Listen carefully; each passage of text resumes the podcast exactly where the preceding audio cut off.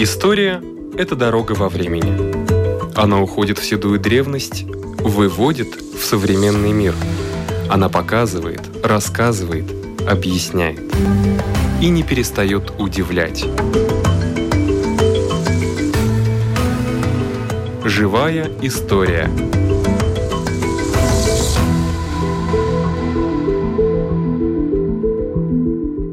У микрофона Лидия Чера.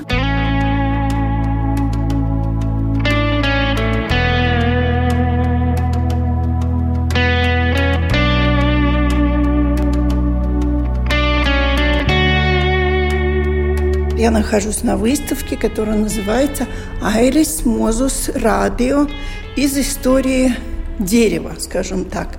Мой собеседник и расскажет о начале этой выставки. Выставка имеет несколько разделов, и первый, самый начальный раздел, о нем расскажет историк Ингрида Вирсе. Я Ингрида Вирсе, археолог из Национального музея истории Латвии. Наша выставка «Весло», «Моисей» и «Радио». Почему такое название? Мы долго думали, были разные варианты, но, во-первых, надо какую-то интригу. Но под интригой есть также рациональная основа. Это то, что самые древние люди, которые жили на территории Латвии, это были охотники и рыболовы. И тогда, когда уже Латвия была покрыта лесом, тогда люди не жили в лесу. Они жили на берегах речушек, э, небольших озер, болотистые места были. И самое главное для них это была лодка, и надо было передвигаться, то есть весло. И у нас есть такие находки. Одни из самых таких древних находок, которые на территории Латвии деревянные, это как раз те предметы, которые связаны с жизнью на берегу водоемов. Я сейчас вам покажу это весло. Оно очень такой, кажется, вот это, этот предмет, самый внизу, и этот. Это древние весла. Весла, да. Весла найденные в Сарнате. Это торфяниковая стоянка неолитическая. Это где-то четвертое тысячелетие до нашей эры, до Христа. Если не было металла, я вот все как думаю, они как делали? они делали? Ну, вот дерево это- об дерево? Э, Нет, это кремниевые орудия А. и э, роговые, и Роговые, костяные. Потому что кость, если ее правильно обработать, очень жесткая и очень Да, э, острая. да. И также кремень.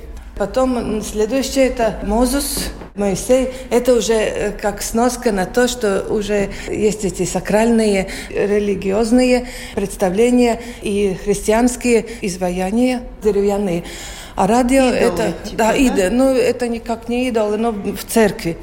А радио это уже означает индустриализацию, но радио тоже делали корпуса до 60-х годов из дерева. Так что Вот этого я не знала. Да, да, наша предпоследняя часть выставки там как раз это показано. И вы вот этой частью заведуете, Э, скажем ну, заведую, это так очень, может, громко сказано, но да, я работала, Подбирали, э, подбирала, конечно, не я одна, но мы хотели показать, здесь не очень много предметов, но каждый из предметов это уникальный, потому что дерево не сохраняется в земле.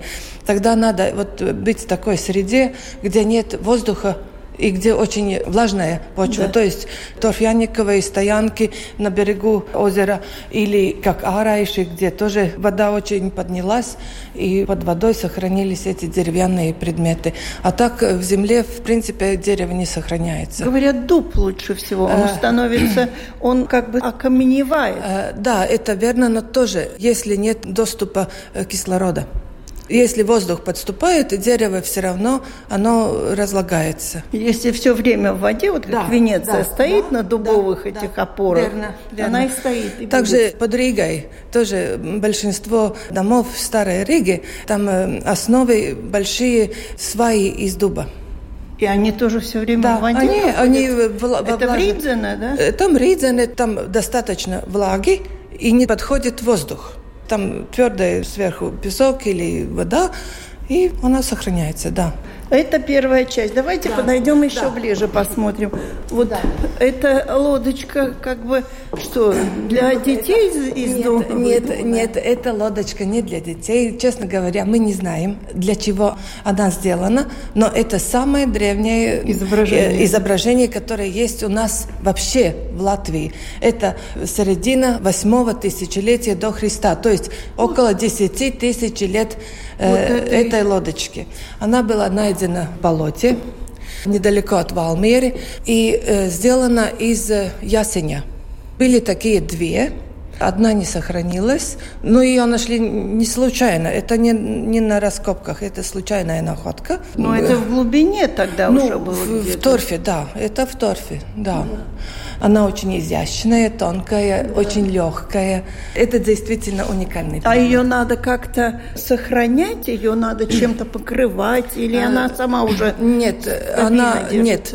В том-то и дело, если вынуть из этой мокрой безвоздушной среды, тогда дерево такое рыхлое и будет очень быстро распадаться, если неправильно mm. обращаться. Поэтому в лаборатории, конечно, их специально сушат. Сейчас уже новые методы есть, что там наполняют специальными растворами, чтобы это не портит дерево, но и не видно, что это пластмасса, скажем так. Потому что были и такие методы когда-то раньше, и сейчас мы видим, что этот э, старый реставрированный предмет, они распадаются, потому что то, что там наполняли, он, он разрушает дерево, потому что это вещество кристаллизируется, но здесь уже правильно. Их правильно сушат, правильно холодом тоже, мороз тоже сушит. А здесь у нас пока показана вот эта линия зеленая, это сколько много леса было на территории ага. Латвии. А черная линия – это температура. То есть, когда ледник ушел, климат стал теплее, дерева здесь не было. Первые люди пришли на такую территорию, которая была похожа на тундру, такая, как сейчас совсем на севере. Но в течение примерно двух-трех тысячелетий – территория покрылась почти полностью лесом. Нельзя сказать сто процентов, потому что были водоемы, были болота, но вот э, около 90% было леса. И температура пока постепенно поднимается, а лес остается. Меняется только состав. И где-то около 4000 лет до нашей эры очень теплый, такой хороший, приятный климат. И было очень много лиственных деревьев. Там дуб, клен, Э, липа, ореховое дерево. А потом опять климат становится менее такой приятный, широколиственные дерева становятся меньше, больше сосны, больше ели, больше березы. И тогда люди жили на берегах маленьких озер, маленьких речушек, и Сарнаты – одна из таких стоянок – и вот эти два предмета, верхняя это такая колотушка, которой колотили водяной орех. Было очень много водяного ореха. Сейчас в Латвии в пару местах только он находится. И там такие слои скорлупы, 60-80 сантиметров слоя скорлупы. Они очень-очень много это использовали в пище. Орех? Водяной орех. Пищу, да? да, он очень сытный, хороший для человека. И такой маленькая мотыга, которой, очевидно, съедобные корни из земли можно было. Сейчас, Сейчас хрупкая, уже хрупкая, конечно. Но, в принципе, но... люди умели так делать, что это из одного куска, куска дерева. это сук, и это часть ствола. Лопатка это уже часть ствола, и так. Они использовали природные данные, которые да, есть. Да. Вторая такая очень хорошее место в Латвии, где сохранилось много дерева, это Арайши. Да, это Арайши. Мы ну, вот, любим это место. Да, ну вот. Из этого места у нас э, много деревянных предметов, изделий. изделий да. И тоже дерево использовалось все, угу. начиная с береста, корни использовались для корзиночек или маленьких таких сосудов Потом ствол, конечно, для домостроительства. Но вот они делали такие маленькие ковшики, скажем. Очень красивые, очень такие изящные. Но это из дерева. Это из дерева, все, да. из, все а из это дерева. береста. Это береста, да. Береста – это береза, да? Да, да. Береза. А почему выбирается береста, березовая кора? Она, наверное, потому что, нет, потому что э, это можно большой кусок получить. А, от, от... Да, снять большой кусок. Угу. Другие сорта деревьев использовались немножко для другого. Скажем, из липы вот этот э, внутренний слой коры использовался для делания обуви, или веревок, или корзин, ну, для плетения. Как все утрачено уже, жалко. Ну, я, э, я даже не могу сказать, что все утрачено. Ну, есть, есть, есть но, рукодельницы, но, да, есть и мастера. Но, в принципе, сейчас что-то новое.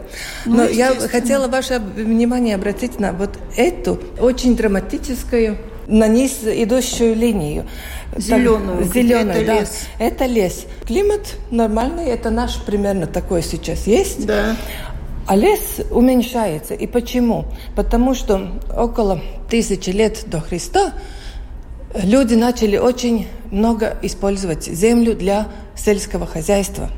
И надо было освободить землю Площади, от леса. Да. И тогда просто срубали лес, даже сжигали, потому что пепел тоже хороший, удобрение. Да, Все время лес уменьшается, а самое меньшее это где-то после Первой мировой войны.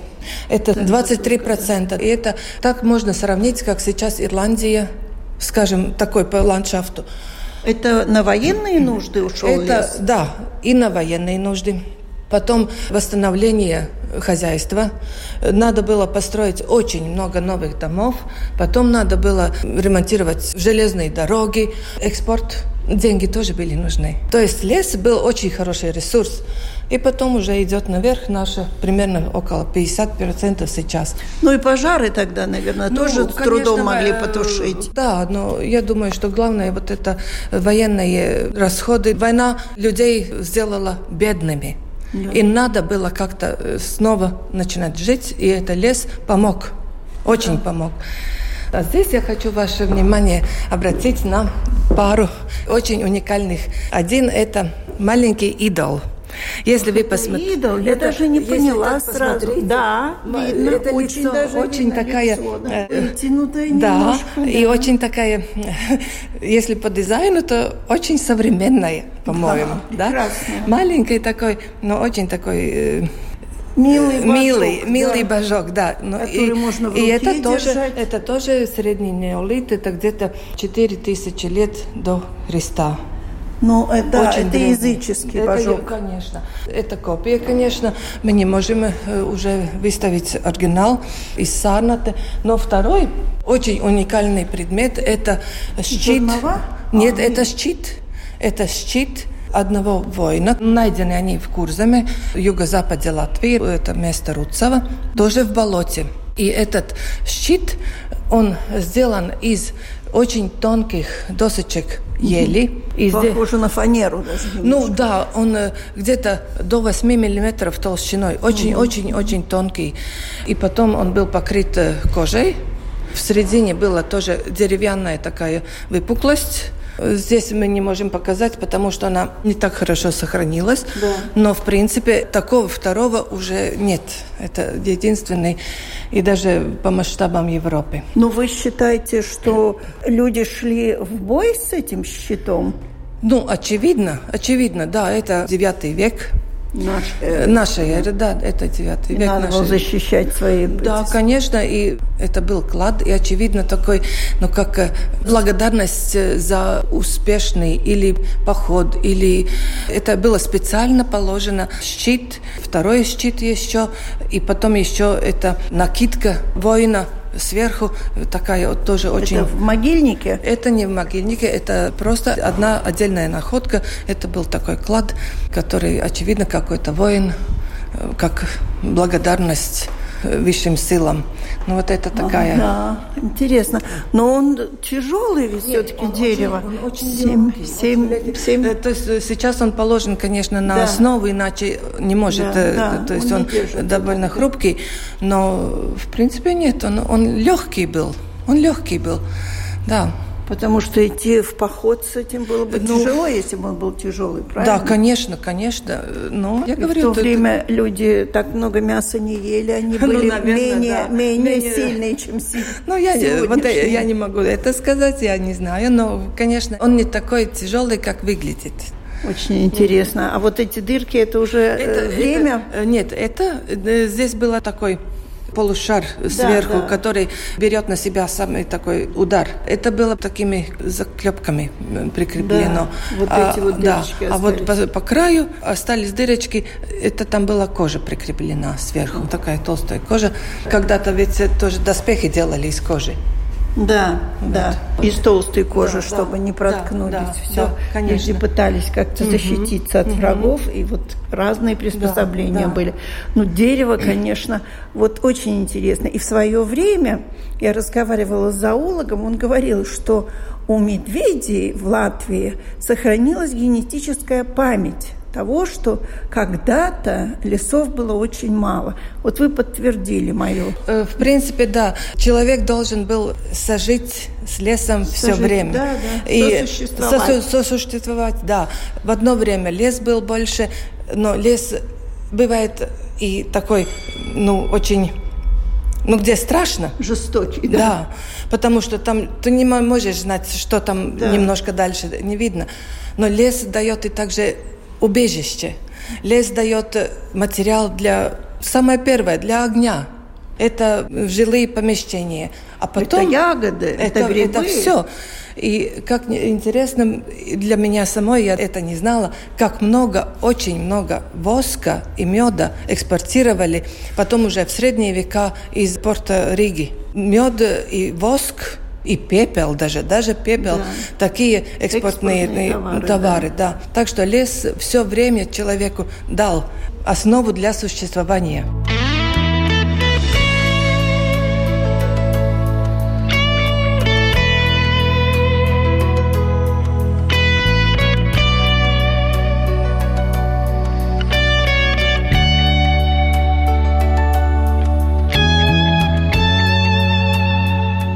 Заместитель директора Национального музея истории Латвии Анита Мейнарте. И вам предстоит рассказать о такой сакральной части выставки «Весло», «Мозус» и «Радио». Да, конечно, дерево поистине имеет огромное значение также для архитектуры и для искусства.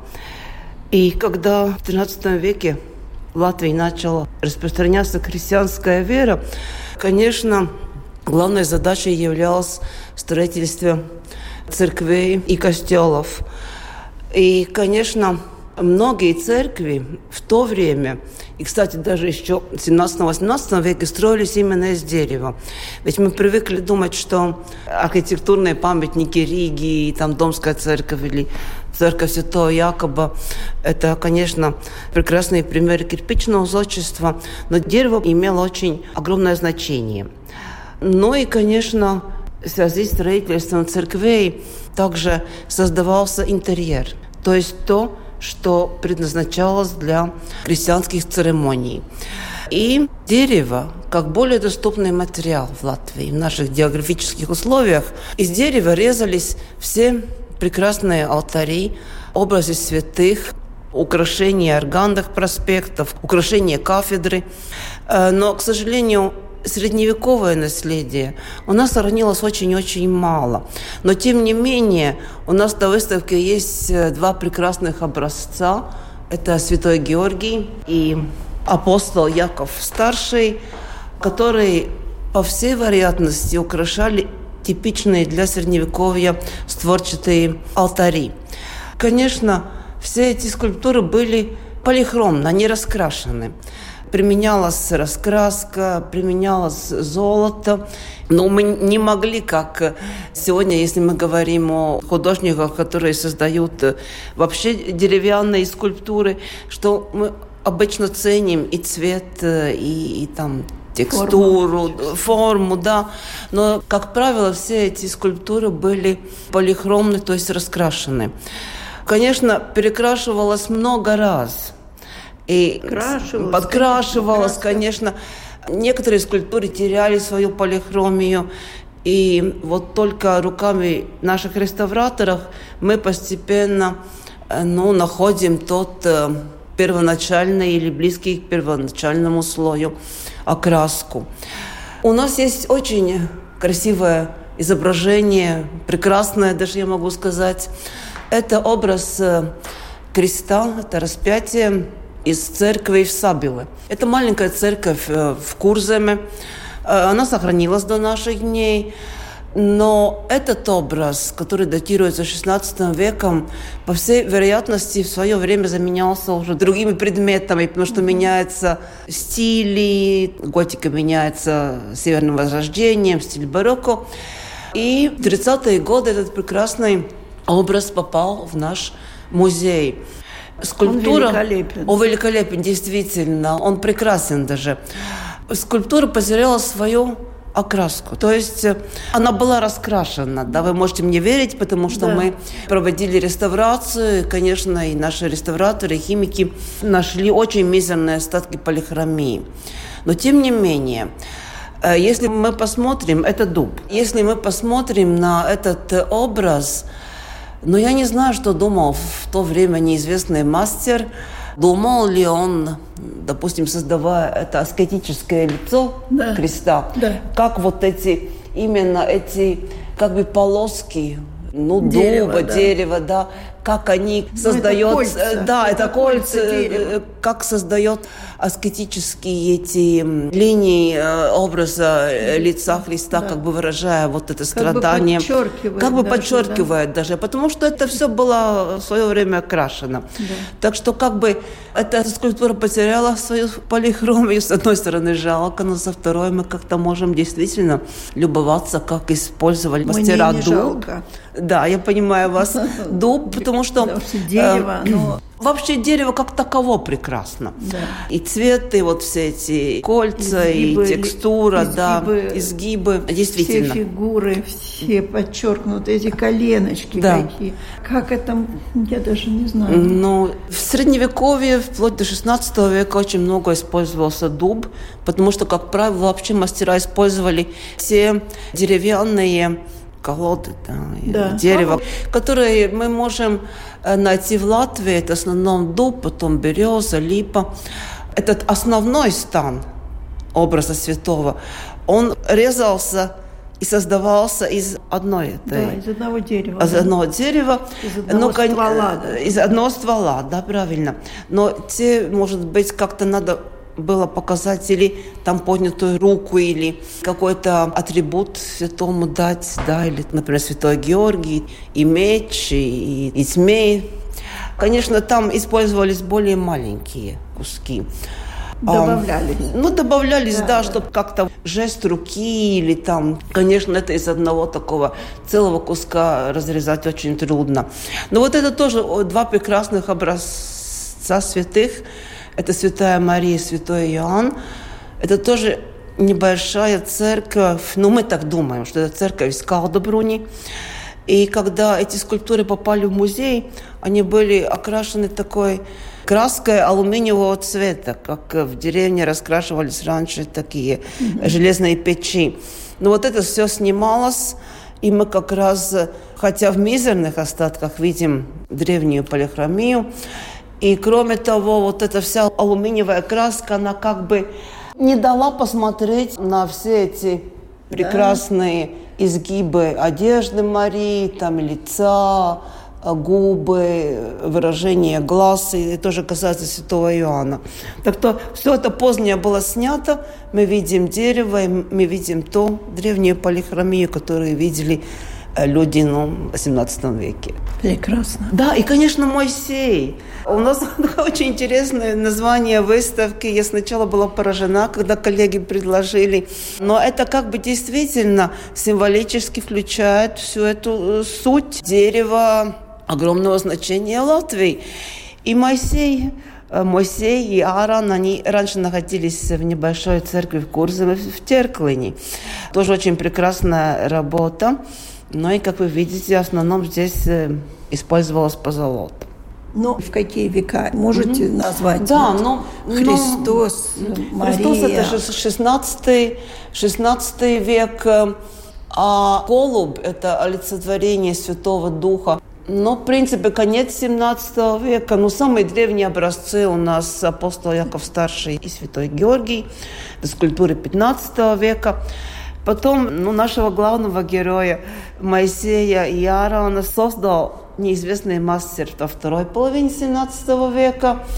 Еще есть очень прекрасный образ ангела. Это церковь Гарсене, 1793 год.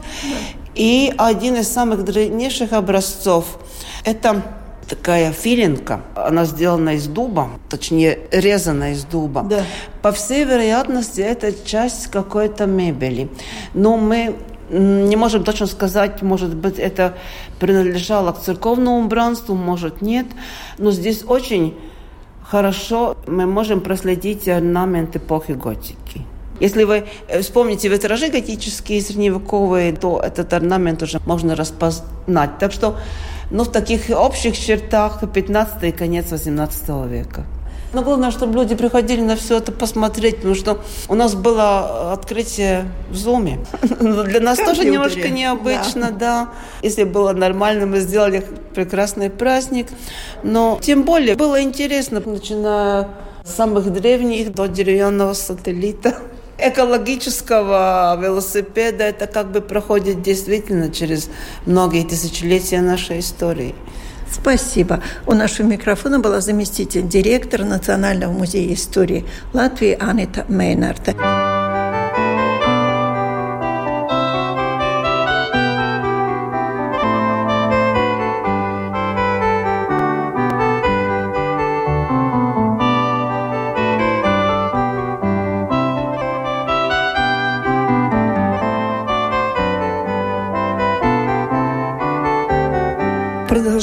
Цикл сюжетов «100 реликвий истории Латвии», рассказывает Ирина Зейбарте. В нашей программе мы уже рассказывали о время духов, которое сейчас продолжается. А что это за время с исторической точки зрения? Я думаю, что это одна из самых древних традиций, которая обязательно исходит из еще языческих времен.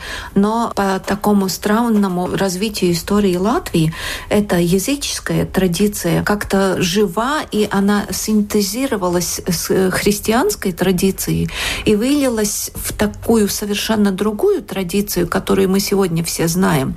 И я думаю, что поэтому, как традиция, она очень интересна, но, как вы знаете, традиция — это вещь нематериальная, ее нельзя взять в руки. А предмет, который мы представляем в своей книге «100 реликвий истории Латвии», он как раз материальный, но очень тесно связан с этой традицией. История сохранила для нас эту уникальную вещь. Это такой с виду неказистый кусочек дерева, четырехугольный, с отверстиями формами для четырех деревянных ножек. И называется он столиком. Когда-то он был столиком именно для угощения духов. И, как известно, вот с 29 сентября до 10 ноября было время угощения духов, и в это время где-то не в доме, снаружи выставлялся этот столик или в бане, или рядом где-нибудь. Он мог быть и под деревом например, под дубом, который почитали в языческие времена. Его выставляли на этих ножках, обязательно ставили свечу, потому что эта свеча была тоже символ, огонь как символ, и как знак, куда идти духом умерших, чтобы они могли найти угощение. И на этот столик ставили угощение. Но это было обычно что-то съедобное, и это было очень важно, чтобы утром, когда когда приходили посмотреть к этому столику, чтобы хоть что-то было тронуто. Это означало, что духи были. Потому что духов в то время не боялись. Это были свои. И выставляли это угощение для своих, для родных. Потому что ждали духов именно своих родственников, своих близких, чтобы они пришли и своим приходом утвердили то, что все хорошо, что они довольны оставшимися. И вот потому, что это традиция традиция, с одной стороны, очень долгая, очень древняя, с другой стороны, все материальные доказательства этой традиции фактически исчезли. Поэтому это действительно уникальный предмет в коллекции нашего музея, который сохранился. И поэтому мы очень им гордимся. И, например, хотя бы тем, что мы знаем и историю конкретно этого столика, конкретно этого места семьи, от которой получили этот столик. Музей он пришел 1929 году, и с тех пор не появилось ни одного другого свидетельства об этом культе духов. И я думаю, что стоит напомнить нам всем, что эта традиция, как я вначале сказала, она как-то синтезировалась, и сохраняя вот эту традицию подкармливать, угощать духов, она превратилась, в свою очередь, и в традицию, которую в Латвии знают все. Это свецы и швакари, когда уже тоже во время духов или в течение всего ноября люди идут идут на кладбище, зажигают свечи, и тем они э, показывают свое отношение к своим умершим родственникам. Вы можете сказать, а с какого века сохранился этот столик? Вы назвали, когда передали в музей, это 20 век начало, почти сто лет ему уже. А вот когда он был построен, можно как-то определить? Это очень трудно. Он мог быть и 19 века, и еще старше. Как я уже сказала, это просто кусочек дерева. Расшифровали его? Мы расшифровали эту традицию, мы расшифровали, как она могла выглядеть по записям, которые, между прочим, делали делали в своих книгах священники, христианские священники, которые отмечают то, что вот в таком-то, таком-то веке уже люди прикармливают, угощают духов, и в том числе в XIX веке это пишут, но именно об этом столике очень трудно сказать, он не очень древний. Ему может быть около ста, может быть немного более ста лет, но он олицетворение очень-очень древней традиции. Рассказывала Ирина Зейбарте.